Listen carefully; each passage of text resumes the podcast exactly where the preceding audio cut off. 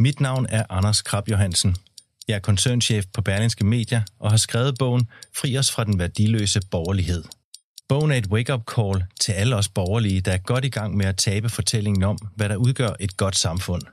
Vi har overladt omsorgen til staten, velstand til vores politikere, familien til institutionerne, dannelsen til tilfældighederne og forsømt at genopfinde og forny de værdier, som taler til menneskets hjerter. Fri os fra den værdiløse borgerlighed er i handlen nu.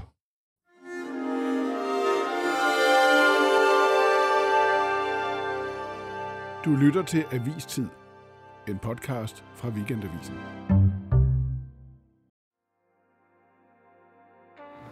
Så er han i Washington, så er han i Bruxelles, så er han i Kiev. Det er vores udenrigsminister, der nu hedder Lars Løkke Rasmussen. Jeg har ikke vendet mig helt til det nu.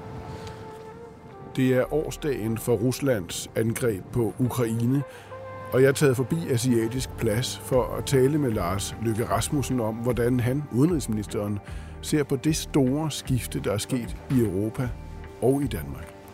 Hej. Vi har en aftale med udenrigsministeren. Okay. Ja. To sekunder. Ja. Jeg skal bede om noget ID. idé. Jeg vil gerne tale med ham om den rolle, han selv havde som statsminister i alle de år, hvor man glemte, at Putin kunne blive en fjende. Der stod Lars Løkke Rasmussen helt i front med ønsket om samarbejde. Hvad tænker han om det i dag? Har sin dør kortet på den blå firkant, der går indenfor. Tak. Lars Løkke har for nylig besøgt den totalt smadrede ukrainske by Mykolaiv. Jeg indleder med at spørge ham om, hvordan det var.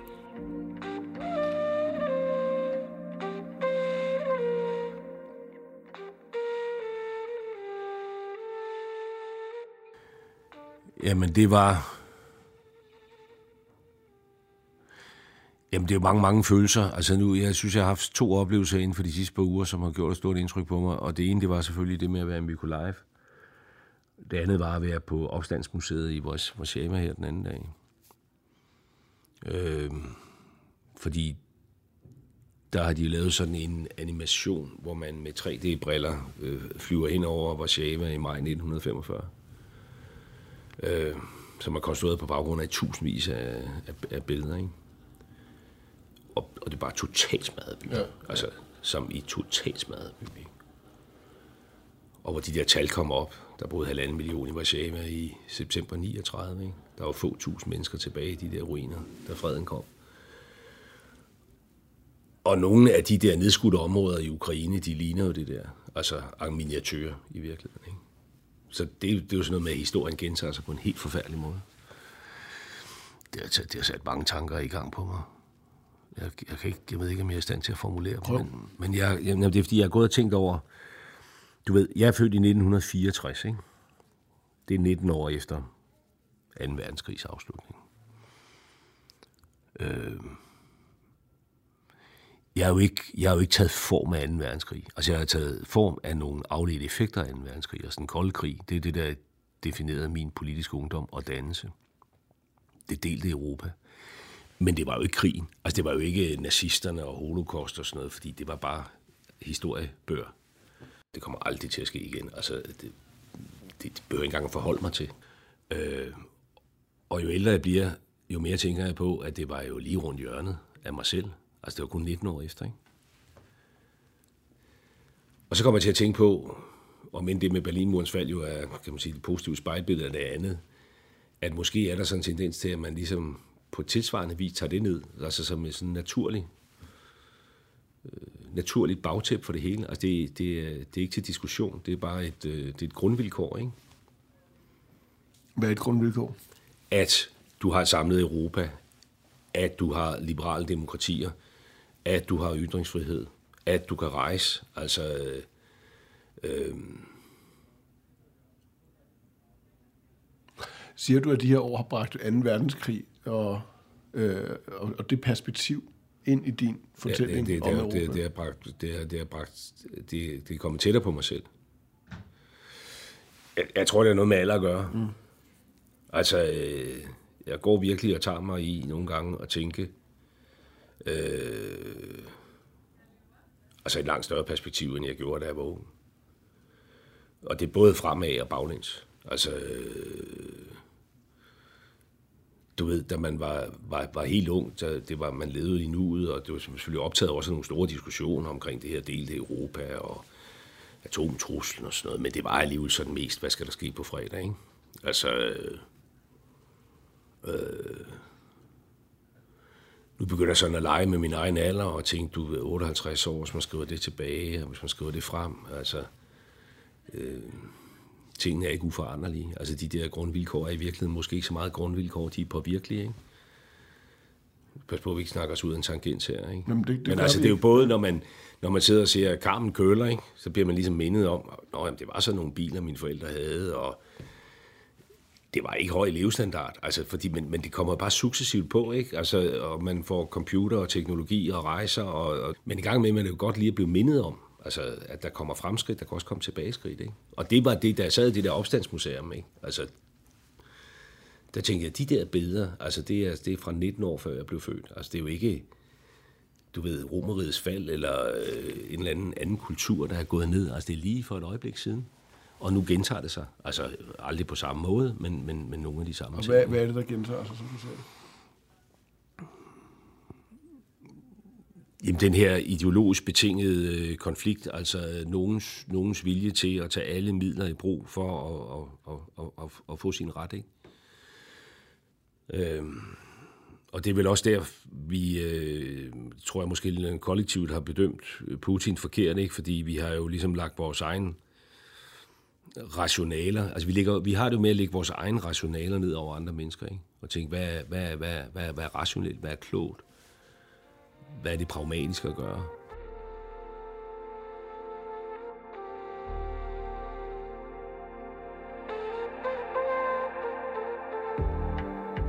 Det er en alvorlig udenrigsminister, jeg møder. At vi har fejlbedømt Putin, det er jo helt åbenlyst.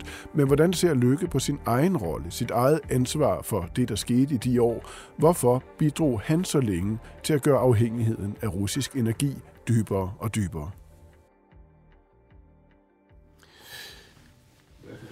Ja, hvad er det, man siger? At øh, vejen til helvede er brolagt med dårlige undskyldninger, ikke? Øh,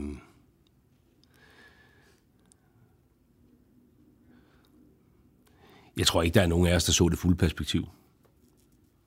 Øh,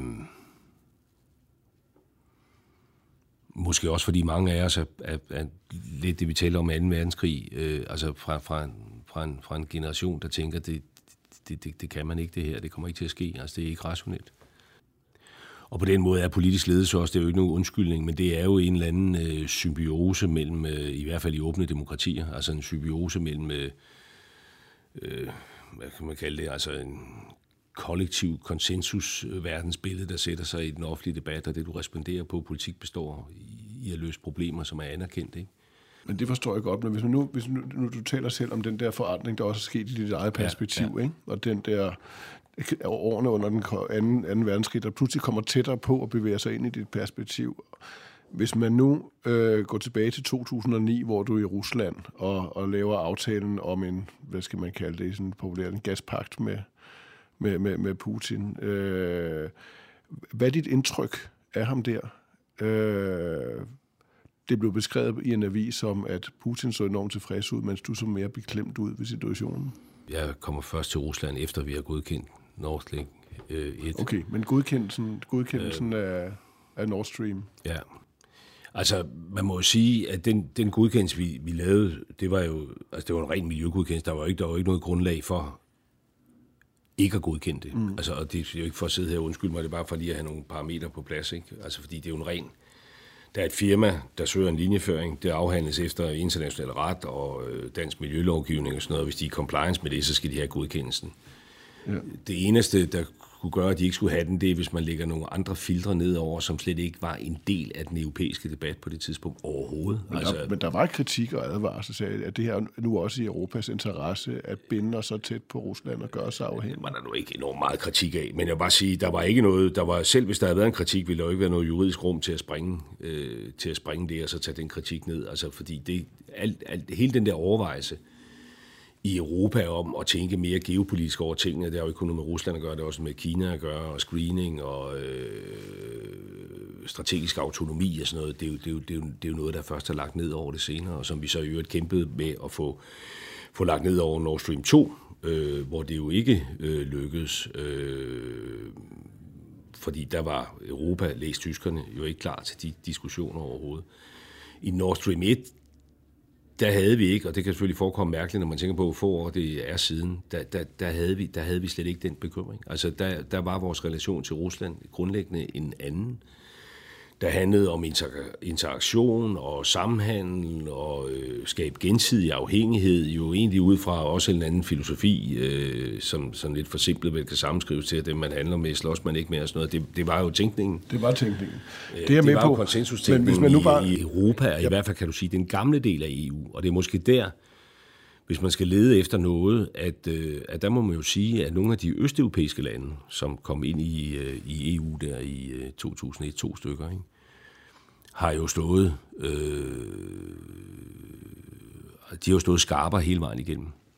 Forsvars efterretningstjeneste lyttede til dem. De sagde i 2009, at et selvhævdende Rusland nu helt tydeligvis ønsker at genindtage en stormagtsrolle og havde indledt en konfrontatorisk udenrigspolitik.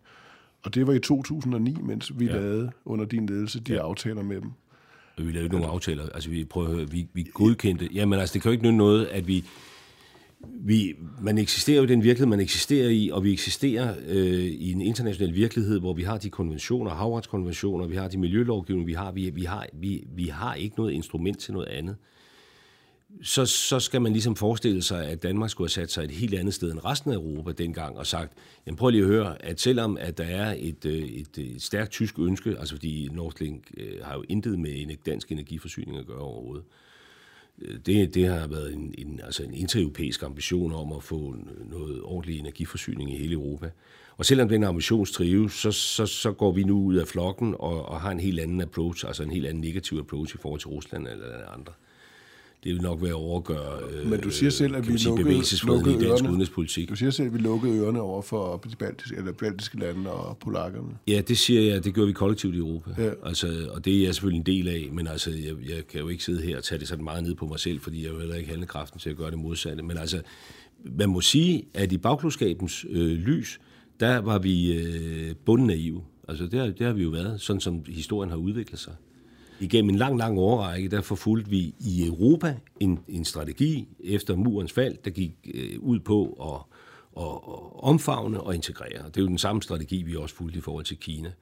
Og begge steder, altså både i forhold til Rusland og Kina, der har vi været, øh, der har vi været for naive. Ikke? Men, men du taler om det som det er det kollektiv, og det er jeg med på, det er det også. Man kan ikke sige, at, at du eller Danmark havde en helt ekstrem anderledes tilgang til det. Nej, det men, men, men dog kan man jo sige, at Danmark, alle lå jo ikke det samme sted, og Danmark under din, blandt andet under din ledelse jo, i forskellige stillinger havde en, øh, skal vi sige, nu kalder du det bunden af EU, måske en af de mest bundne af EU tilgange til det. Altså i de penge, vi, vi, vi øh, vælger at flytte væk fra forsvaret, den tilgang, vi har til Rusland, øh, osv. osv. Kan det, er det ikke en meget rimelig kritik? Nej, det, det synes jeg ikke. Altså det, det synes jeg faktisk ikke. Og, og, og du bliver på, at det ikke bliver sådan lidt konfliktfyldt her, hvor jeg slet ikke vil give nogen indrømmelser, fordi at jeg så skal overgive mine indrømmelser, og så bliver jeg sådan der. Ja. Fordi det, er, det er sådan set slet ikke på den måde, jeg har lyst til at gå ind i den her samtale. Men jeg synes, det er på alle måder forkert at beskrive Danmark som om, at vi skulle have en fuldstændig afvigende eller mere bundne i tilgang end alle mulige andre. Øh, det synes jeg. Og efter 14 og invasionen der, og øh, hvad det, annekteringen af Krim og sådan noget. Hvad, hvad tænkte de der? der? Der var du statsminister i de, de år der. Hvad, hvad, var, hvad var tænkningen? At det var, det var bare ærgerligt for ukrainerne, eller Nej. sådan måtte det være? Nej, der synes jeg jo, at der begynder tænkningen jo sådan set at flytte sig. Altså, øh, det er jo den periode, at vi også begynder at flytte vores forsvarspolitik og sige, vi skal i højere grad øh, omstille til territorialforsvar. Og hvad er det så, der sker med invasionen, som du ser? For så går det pludselig meget, meget hurtigt. Altså på få uger sker der en fuldstændig forandring i den måde. Jamen, der sker vi ser det på. Prøv, prøv at fortælle om din egen tilgang til det, dit eget perspektiv, hvordan det ændrer sig der for et år siden. Det, der vel sker øh, den 24. februar sidste år, det er vel, at hele det der nye øh, verdensbillede, øh, det står nu pludselig bøjet i næren for alle. Ikke? Øh, og jeg har det jo ikke sådan, hvis man sidder og analyserer det bagefter, at man kan sige, der er, altså, ja, der er en dag før og en dag efter.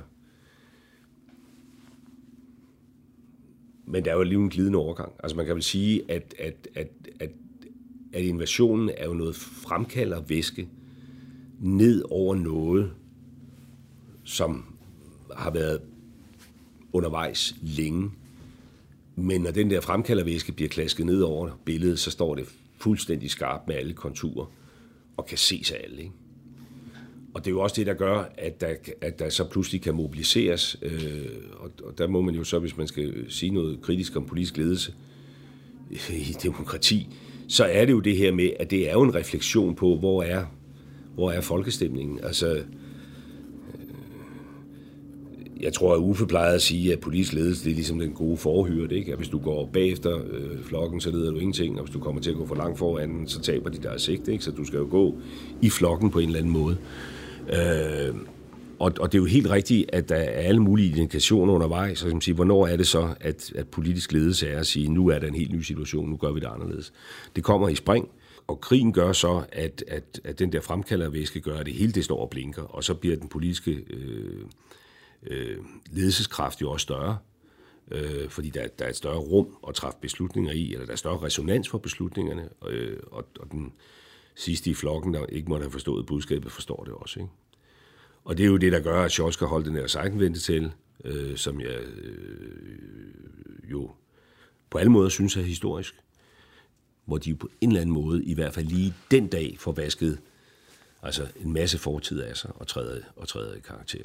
Og hvad i, i, i det danske perspektiv, hvad, hvis, du, hvis vi holder det der store perspektiv, der, altså med årene efter den kolde krig, den kolde krig og tilbage til 2. verdenskrig, og din egen forståelse for det, hvad er det så, der sker der øh, med Danmark, som du ser det? Hvad der sker med Danmark der? Det er, at det der lille øh, puslingland, der så har øh, egentlig ikke engang hygget sig i smug, men altså hygget sig i fuld, i fuld offentlighed, mm. øh, bliver, bliver, bliver mindet om nogle barske realiteter. Altså, hvad, hvad er det? Øh, jamen, for eksempel den realitet, at der findes øh, autokrate regimer derude, hvor, hvor, hvor, hvor, hvor, hvor den der rationelle prisme, vi lægger ned over alle de beslutninger, vi træffer, den, øh, den, er, den er på en eller anden måde vendt på hovedet. Ikke? Det, der skete kort tid efter, var, at der blev indgået det nationale kompromis, som jo er stærkt i den forstand, at der er øh, en enorm bred politisk opbakning til nu at lave en markant oprustning af det danske forsvar. Ikke? Øh, og som jo et eller andet sted må spejles i, at da, da man tre år før genåbnede forsvarsforliget i princippet med den samme ambition, der var betalingsevnen og viljen ikke rigtig til stede. Og det er jo et udtryk for et enormt skifte i hele det politiske landskab. Ja.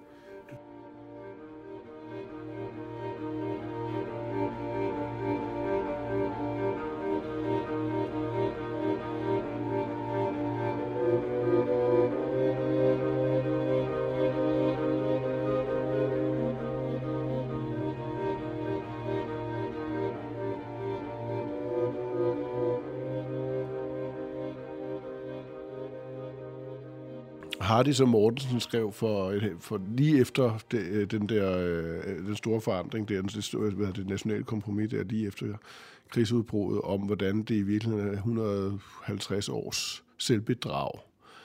Altså en pointe om, at vi... Øh, altså, at, at, at de hårde realiteter gik ikke op for os med Første Verdenskrig, heller ikke rigtig med Anden Verdenskrig, heller ikke rigtig med den kolde krig, heller ikke rigtig med terrorkrigen.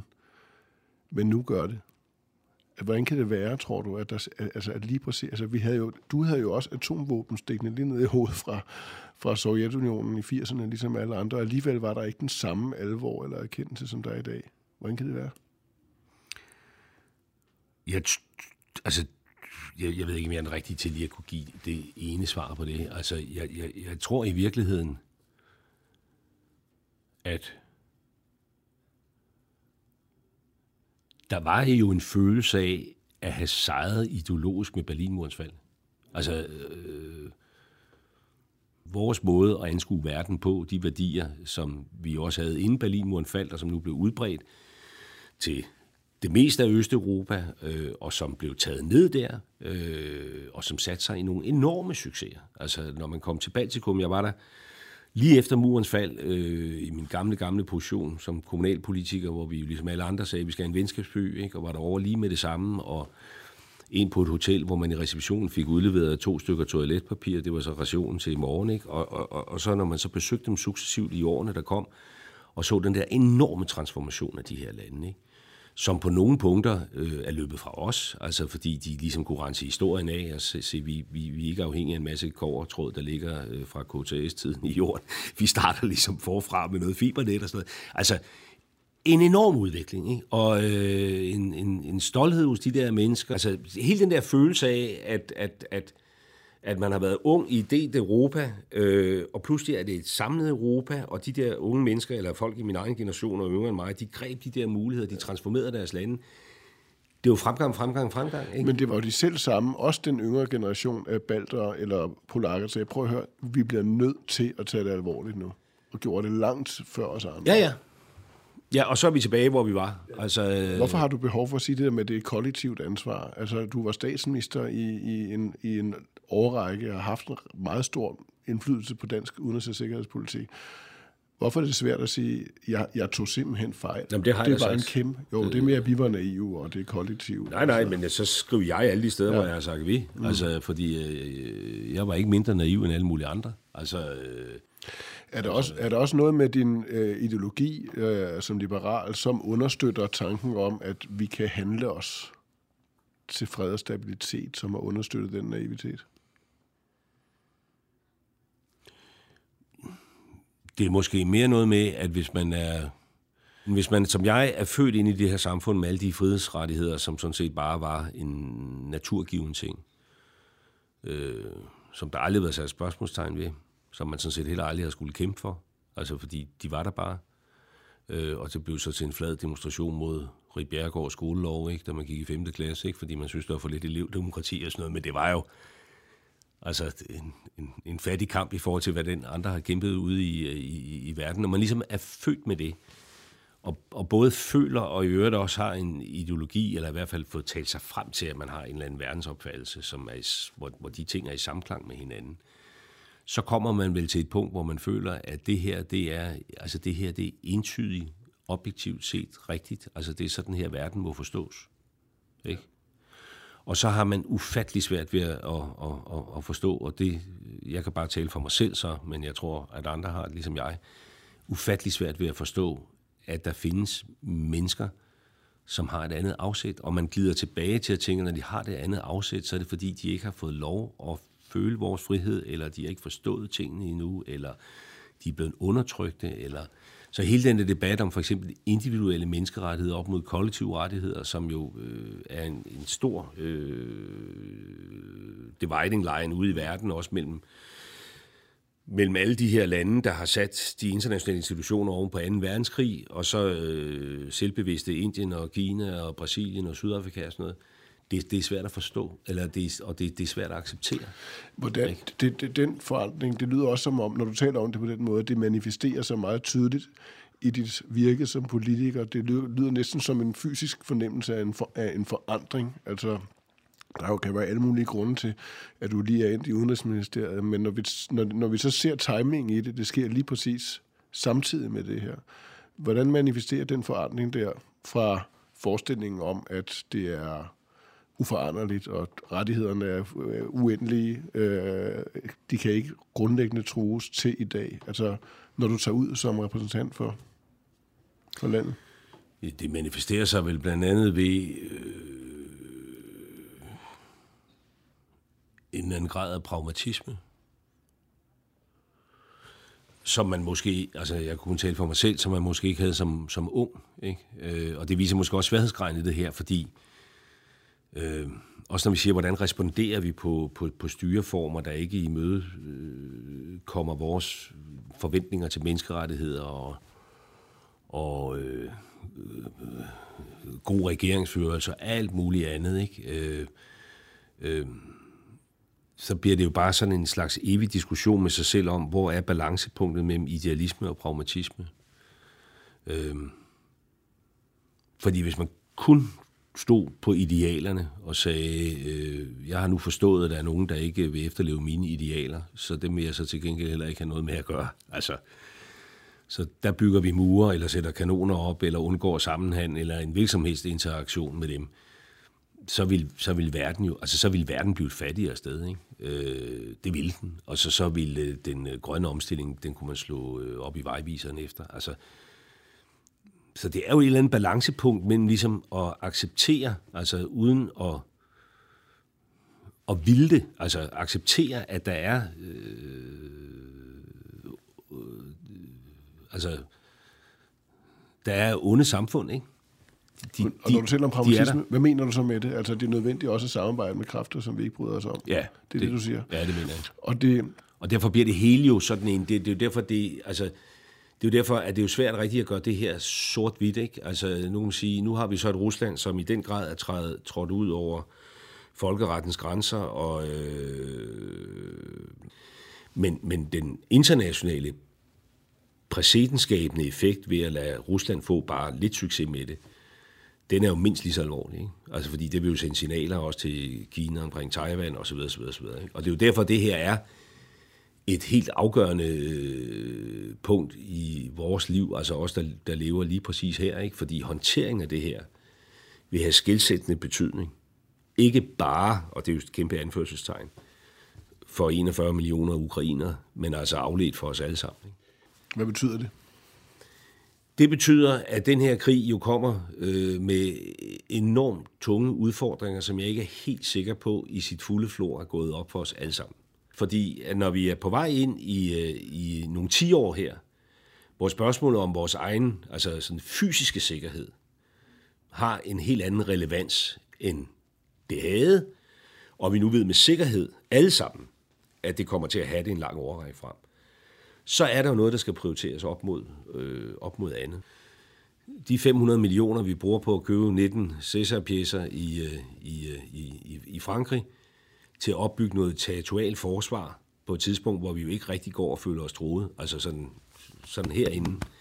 Det er jo så direkte konkurrence med en halv milliard, der kunne bruges på at bygge to nye gymnasier. Eller, altså, det, er jo, det er jo realiteten. Altså, det, det, er jo, det er jo realiteten.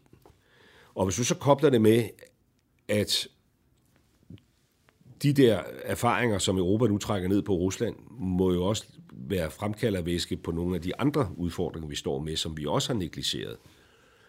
Kina for eksempel. Ikke? Så fører det os jo frem til, at vi kommer ind i sådan noget globalisering 2.0, øh, hvor der vil være nogle, øh, altså nogle transaktionsomkostninger øh, knyttet til, at vi skal tænke vores øh, autonomi og vores sikkerhed ind. Ikke? Øh, og, og, det, og det skaber noget vækstbremse. Altså det, det, det, det, det gør det. Det gør det globalt, og det gør det jo i særlig grad i forhold til et lille land, der lige siden vikingtiden sådan set har opbygget al vores velstand med at sammenhænge med andre. Og derfor bliver vi presset. Altså, og når du så lægger vores egen demografi ind over, som jo ikke har noget med alt det andet at gøre, men som også er et vilkår, øh, den skandinaviske samfundsmodel, som er jo helt fantastisk, og som øh, vi laver film om, og som øh, bliver brugt i amerikanske valgkampe, og som vi alle sammen holder kæmpe taler om, når vi er ude i verden, men som vi også godt ved er presset, altså på grund blandt andet demografien, så er der et enormt krydspres på os i øjeblikket. Altså et helt ufatteligt stort krydspres, som vi på en eller anden måde skal slås med en lang overrække frem. Ikke? Og den fulde implikation er jeg ikke sikker på at gå op for os alle sammen. Øh, skal ukrainerne, som du ser det, have hjælp, så længe de beder om det, og så længe de slås? Ja. Er det dem, der styrer det? Ja. Altså min tilgang til det her er, at jeg er lige så ukrain som ukrainerne. Øh, og, og, og, og det synes jeg også, der er basis for. Altså hvis du ser krigens allerførste fase, øh, selv Biden øh, stod jo i Kiev i går, og i de facto jo indrømmet, at han selv var overrasket over deres kampkraft. Alt for mange havde meget travlt med lige efter krigen allerede at finde freden og sige, at man må kunne slå nogle streger og lave et kompromis det, det, det punkt er vi øh, forbi. Altså, øh, det mener jeg, fordi at det at tillade, at russerne op imod øh, ukrainsk vilje, altså øh, bringer en afslutning på krigen med en eller anden form for gevinst, det vil være så øh, ødelæggende og have så voldsomme implikationer på verdensordenen frem efter, at det kan vi ikke tillade. Men hvordan ser du det? Fordi spørgsmålet er, nu vi taler om realisme over for idealisme, eller hvad man nu skal kalde det, så altså, er, det, er det realistisk, som Ukraine ser det, at det her må ende med en total gen, gen øh, etablering af ukrainsk øh, suverænitet over hele området?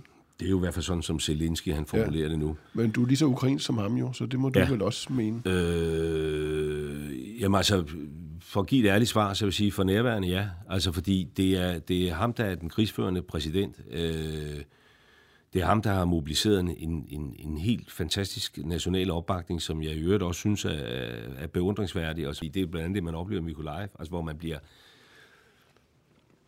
som sådan en øh, velnæret velfærdsdansker, ikke? så bliver man jo enormt imponeret over, at da vi var der, der inden for de sidste to måneder kom omkring 50.000 mennesker til en by, som, som du og jeg sådan spontant ville tænke, øh, skal man leve her, ikke? Øh, og vel at mærke nogle mennesker, som jo i hvert fald sådan øh, mål på kortsigtet levestandard, måske har fundet i virkeligheden et bedre sted et eller andet sted i Europa, ikke? men som alligevel, altså før tiden egentlig er moden til det, siger, at vi skal tilbage igen. En ting er jo at sidde derhjemme og forberede sig og læse nogle papirer og, og, og vide, at den her by er nede på en tredjedel af den størrelse, den plejer at være. Folk er vilde for at komme tilbage, men de mangler vand og sådan noget. Noget andet er jo at stå her og se, hvor, hvor ødelagt det er.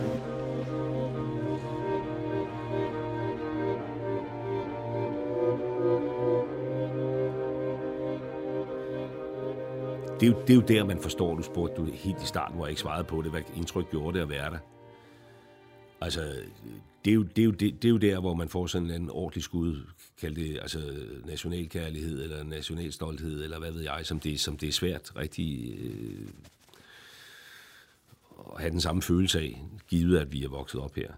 Øh, men, men, men det er jo det, der mobiliserer Ukraine. Ikke? Det er jo også det, der gør, at jeg tror, at på nogle af de ting, hvor vi selv har været skuffet over Ukraine, altså vi har jo haft et idealistisk engagement i Ukraine i langt år, og ledet EU's antikorruptionsarbejde, jeg har selv været der hos den tidligere præsident, synes, at det var småt med fremskridtene og sådan noget, at der fornemmer man, at der er en bevægelse i gang. Altså, der er også internt i Ukraine et helt andet syn på deres egne oligarker, fordi øh, det med at sidde og fede den af nede ved Nice for penge, der er tjent i Ukraine, mens alle andre er i direkte kamp og sådan noget, det står ikke i høj kurs. Så, der, så det er bare for at sige, at der er en enorm mobilisering på vej, og, og, og, og, det, og, og, og den, den hviler jo på, at det ligesom er Ukraine, der definerer deres egen frihedskamp. Og hvis jeg. vi så sad der øh, og gjorde os til dommer over, at den lykkes nok kun 80 procent eller sådan noget, altså det, det, det, det dur jo simpelthen ikke. Men, men, men, det, men det, det, vi er jo ikke ukrainerne. Vi, vi leverer penge og våben Ja. eller bidrager til det, men vi er jo ikke ukrainerne. Nej.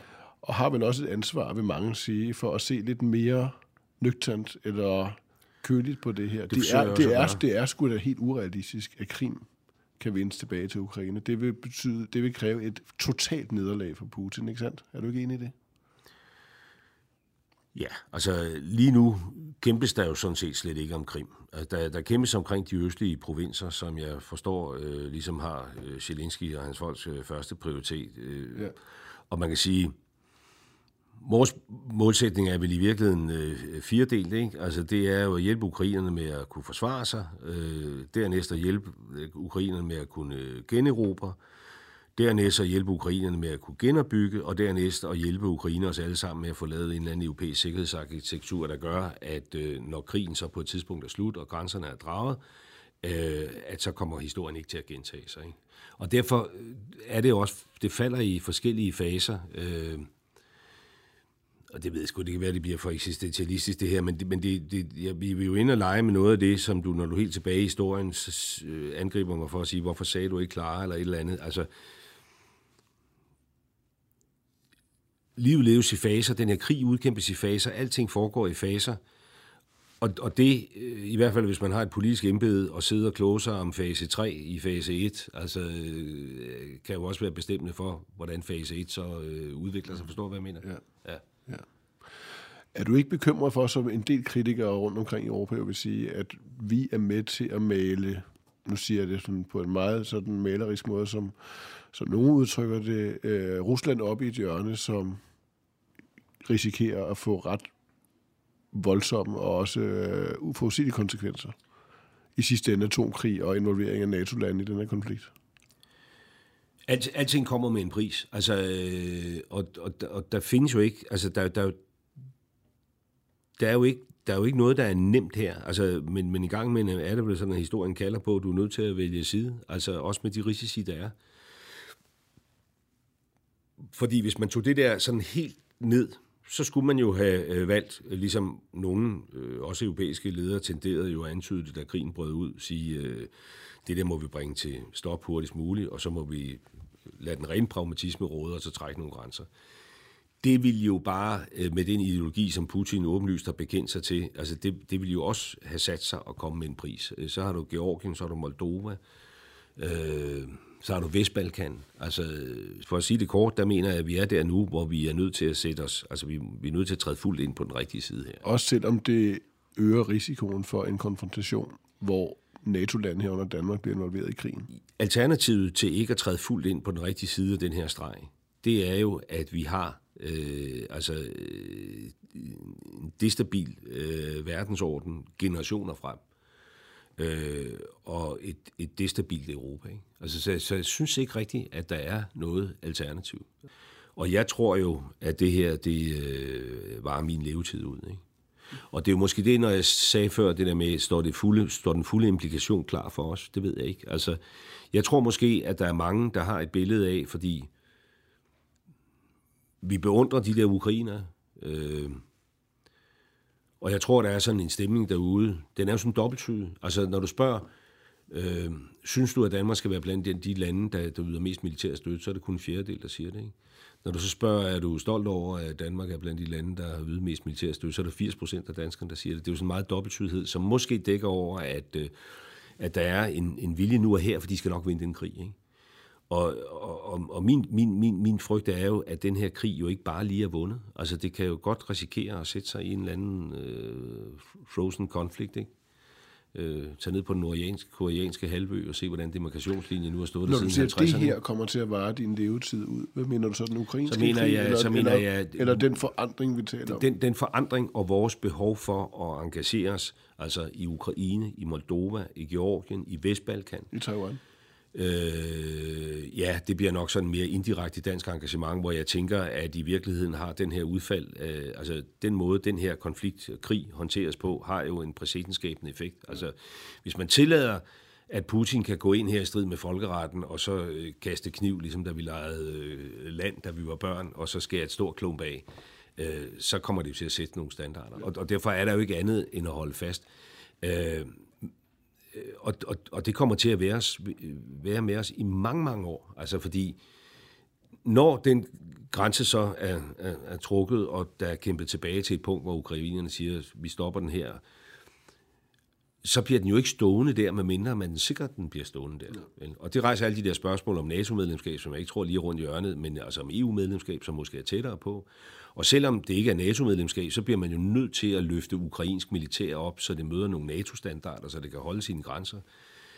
Altså, det, det, vil betyde, det kommer til at betyde potentielt nogle kæmpe omvæltninger. Øh, jeg tror jo, at danskerne, hvis man spørger dem, skal vi lukke Ukraine ind i Europa, hvis det er forudsætning for, at det her billede, når det har sat sig rigtigt, bliver stående, så vil danskerne spontant sige, selvfølgelig skal vi det. De er ligesom os, de er en del af den europæiske familie. Når man så gør det, ikke? så har du så 41 øh, millioner ukrainer med fuldstændig fri bevægelighed. Du har Europas absolut største geografi, øh, verdens kornkammer. Ikke? Øh, du har en enorm udfordring af EU's landbrugspolitik. Du har franske bønder, øh, der kommer til at køre deres traktorer ind foran Élysée-palæet og sådan noget. Altså, jamen helt ærligt, det er jo kæmpestort, det her. Og, og, og det er jo det, jeg sidder og spørger mig selv om. Altså, har vi forstået den, altså, den totale implikation af det der? Eller er vi stadigvæk der, hvor vi tænker, de fører en frihedskamp. Det, det gør os stolte at deltage i den. Det er også ja. lidt på afstand. Selvfølgelig vi har fået nogle flygtninge, men vi har ikke fået 2,5 millioner som polakkerne vel. Altså, vi har fået ret få. De er i arbejde alle sammen. Vi, vi lider ikke noget afsavn ved, ved, at de er her. Tværtimod. Altså, det, vi, vi har faktisk fået en utilsigtet gevinst. Vi mangler rigtig at mærke krigens konsekvenser, kan man sige. Ja, det gør vi, og indtil videre har vi så finansieret øh, vores øh, militære donationer øh, på lånte penge. Og, og det har ikke, altså det er fint nok, vi har også råd til det. Men, men det er bare forsøgt at sige før, det kan vi jo ikke, det kan vi jo ikke, hvis det skal være hos os en generation, vel? Altså, vi er jo stadigvæk sådan, jeg skal fandme passe på, hvordan jeg bruger mine ord her, men vi er jo stadigvæk sådan, at vi er inde i det her, vi gør det rigtige, vi har moralen på plads, vi føler, vi kæmper deres kamp. Så skruer vi lidt ned for øh, brugsbadets længde, ikke? Øh, og det presser os lidt Du peger på, lidt på den mentalitet, jeg talte om før, som måske er kernen i den, den selvforståelse i verden. Vi, vi ved godt, at vi ligger udsat geografisk. Vi ved godt, hvem vores allierede er. Vi ved også godt, hvor truslerne kommer fra. Vi vil bare helst ikke betale den fulde Nej, pris men så må jeg jo bare sige til mig selv, at så må jeg jo i hvert fald prøve at yde mit lille forsigtige bidrag til ikke at lave den samme fejl, som den du startede med at klandre mig for, at jeg begik for 12 år siden. Ikke? Hvordan det? Altså ved at være lidt mere afspoken om, hvordan ser den her verden, og hvad er implikationen, og ikke bare lade som om, at vi både kan melde os ind på den rigtige side af stregen, og så kommer det uden, altså uden nogen rigtig konsekvens.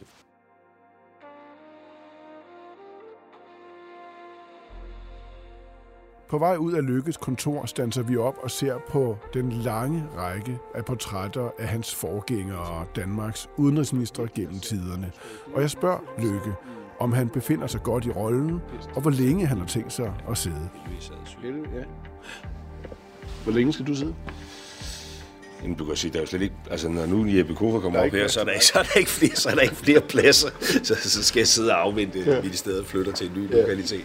Men forstår du, hvad jeg mener? Du Jeg siger, godt, det, jeg det mener. holder din tid ud, det her, øh, den her verdensorden, siger du. Så, så skal du vel sidde Jeg har en ambition, jeg har en ambition om, at altså, det er en analyse, ikke, som vi skal handle på. Ikke? Det ved jeg ikke, det har jeg ikke gjort mig nogen tanker om. Det er jo ikke noget, jeg selv bestemmer. Forløbig har jeg siddet to og en halv måned, ikke? Er det underligt ikke at være statsminister, men bare udenrigsminister? Nej, det, det synes jeg faktisk egentlig ikke, det er. Så, yes. Ja, nu, nu er jeg klar for det. Ja, det er godt. Det er godt. Hej, hej. Tak for det. Hej.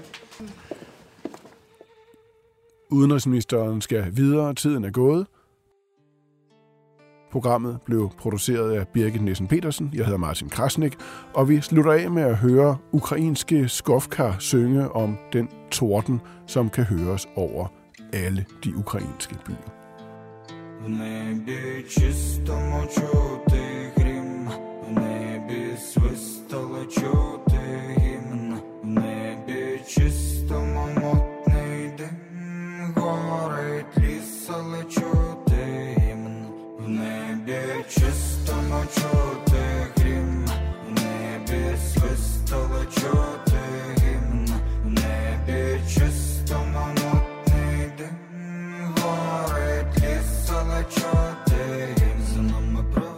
значить вистоїмо ваші вистріли. За нами правда, її ніяк не пристрелить. За нами правда, значить визволим село, ми за селом. За нами правда, значить ми з долин повиганяємо зло. Ну а поки будем бить вас за Азов і Буч, за дні, за Дніпро і Круч, за Ірпінь, який ти муч, за зелений квітучий, за Херсон землю родючу, за, за Донбас получ, за Чернігів неминуч, за, лі, за ліси дрімуч, за Хмельницького Богдана, за, Фра, за Франка Івана, і за Суми, і за храми, за село прийде за вами, і за ночі, і за рани, за кожен тривожний ранок, за Харків і тюльпани, за, за Одесу,